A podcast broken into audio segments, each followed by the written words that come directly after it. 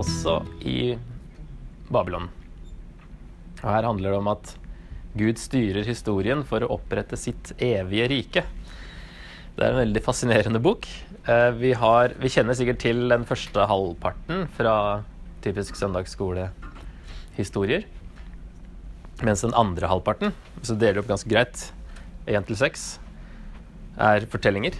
Og 7 til 12 er visjoner og syner, som er eh, ganske vanskelig å forstå. Det vi kanskje ikke har fått med oss, er at han er over 80 år når han er i løvehulen. For det er han kanskje ikke på søndagsskolen som regel. Så det er helt på slutten. Det er egentlig etter at, eh, at perserne har uh, tatt over etter babylonerne. Og, og folket har Eller rundt den tida de får lov å vende tilbake. Så en liten kronologisk oversikt over det. Så har vi Det spenner da over hele eksilet. Så Nebukadnesar er konge når babylonerne da, er konge her i kapittel 1, 2, 3, 4. Og så er det hans eh, Egentlig så er det jo Nabonidus som er direkte sønn, eller neste ledd i hvert fall. Mens Belsazar er sønnen til Nabonidus igjen. Så at Belsazar beskrives som sønn av Nebukadnesar. Men på hebraisk så har de ikke noe ord for bestefar eller eh, barnebarn. Sånn at det er Eh, kan være flere ledd imellom, da. Men det er da han som da Egentlig han som er konge, men han ble så fascinert av en sånn babylonsk gud at han dro langt bort og brydde seg ikke så mye om tronen. Sånn at det var Belsazar som ble liksom kongen, så han satt igjen og, og styra. Han er konge da i kapittel 7 og 8 i del 2, og kapittel 5 da i del 1. Og helt på slutten av um, kapittel 5, der da perserne kommer, for de kom overtok i 539 Eh, skriften på veggen osv. skjer i kapittel 5. Det er ikke noe positivt å få skriften på veggen, selv om vi bruker det som en positivt sånn Gud talte tydelig. Det er domsord hvis du får skriften på veggen. og så er det perserne som, er, eh, som har makta da i siste delen. Det er Kyros som er hovedkongen, og så er det han Dereios som kalles konge her, som kanskje var eh, konge over Eller sånn utsending over den eh, provinsen. Det er litt sånn eh, vanskelig akkurat. Hvem var Dareios? Han kalles konge i Daniel, i hvert fall. Um, siste, altså kapittel seks, siste av første del, og uh, fra ni til tolv i andre del. Så de overlapper litt. De er kronologiske. 1, 2, 3, 4, 5, 6. Uh, men så begynner visjonene begynner her, egentlig. altså Mellom 4 og 5. 7, 8, 9, 10, 11, 12. Så har dere årstall der, så ser du hvor gammel cirka. Hvis vi regner Daniel som var 15 år da han kom, kanskje, så er han 83 på slutten. Um, og blir jo etter hvert nestkommanderende, egentlig. I, eller tredje. Han får tredjeplassen av Belsazar, sikkert fordi førsteplassen egentlig er han kongen som er ute på tur. Og så er det Belsazar som nummer to, og så Daniel nummer tre. Um, så han i det mest hedenske mest hedenske jobben du kunne tenke deg som en jøde. Å være så høyt oppe i det babylonske riket. Der eh, gjør Daniel en eh, fortreffelig jobb. Så bra at de må gå til troen hans for å finne noe feil. Og Gud bruker han i den posisjonen, så det er veldig interessant å se. Eh, her er det viktig å vite litt hva som skjer i historien etter Daniel, for å forstå de synene. Så det er eh, lite vi kan liksom ta i full fart her. Eh, men de årstallene her er greie å ha i hvert fall vite om. da. Sånn at i 539 da er det Persia som overtar, slår Babylon, og jødene får lov å vende tilbake. I 333 så er det Hellas, Aleksander den store, som slår perserne, og de blir stormakt. Og så har vi dette makaberopprøret, som varer fra 167 til 164 før Kristus som er bakgrunnen for hanukka-feiringen til jødene. Med en sprø type som het Antiokus den fjerde, som var en eh, altså Når Aleksander den store dør, så har ikke han noen sønner, sånn at riket hans blir delt mellom fire generaler. Og da er han Antiokus en etterkommer av en av de, som da har Syria. Eh, og han går inn i tempelet i Jerusalem, ofrer Ok, For det første, han går inn i tempelet i Jerusalem. Det var feil. Han er hedning.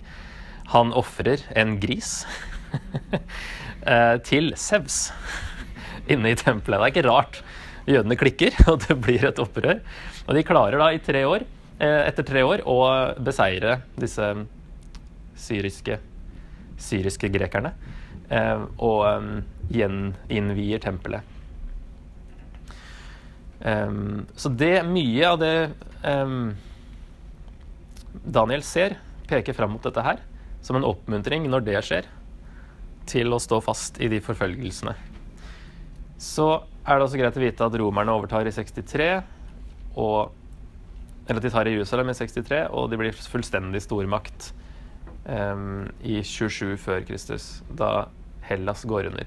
Så de dyrene som Daniel ser, det er egentlig disse, disse stormaktene. Med også de delene av statuen eh, korresponderer med de eh, dyrene som han ser i kapittel 7. Kapittel 2 så ser han det er statue, hode av gull, sølv, bronse, eh, jern, og så er det jern og leire nederst. Eh, og det får liksom mer detaljer i kapittel 7, eh, der det er disse dyrene som ser ut som en løve, så er det en bjørn, og så er det en leopardaktig eh, Og så er det et dyr som ingen har sett maken til. det fjerde. Så her har vi tolkninger. Det er mye rart her også, eller mye forskjellig. Men eh, den tradisjonelle er altså The Babylon, og så er den alliansen mellom Media og Persia. Eh, mederne og perserne, som er det neste riket etter det. Så er det at grekerne er bronsen, og at romerne er jern. Og at jern og leire betyr at det ble ustabilt på slutten, for det ble så stort. Og poenget i den statuedrømmen til Nebukadnesar er jo denne steinen som kommer, knuser beina på statuen, og den vokser og blir til et fjell som brer seg utover hele jorda. Og så tolkes det da som at eh, Guds rike skal opprettes i det fjerde rikets tid, og det skal bli stort og dekke hele jorda. Så den steinen er Guds rike, som knuser de verdslige rikene og brer seg utover hele jorda.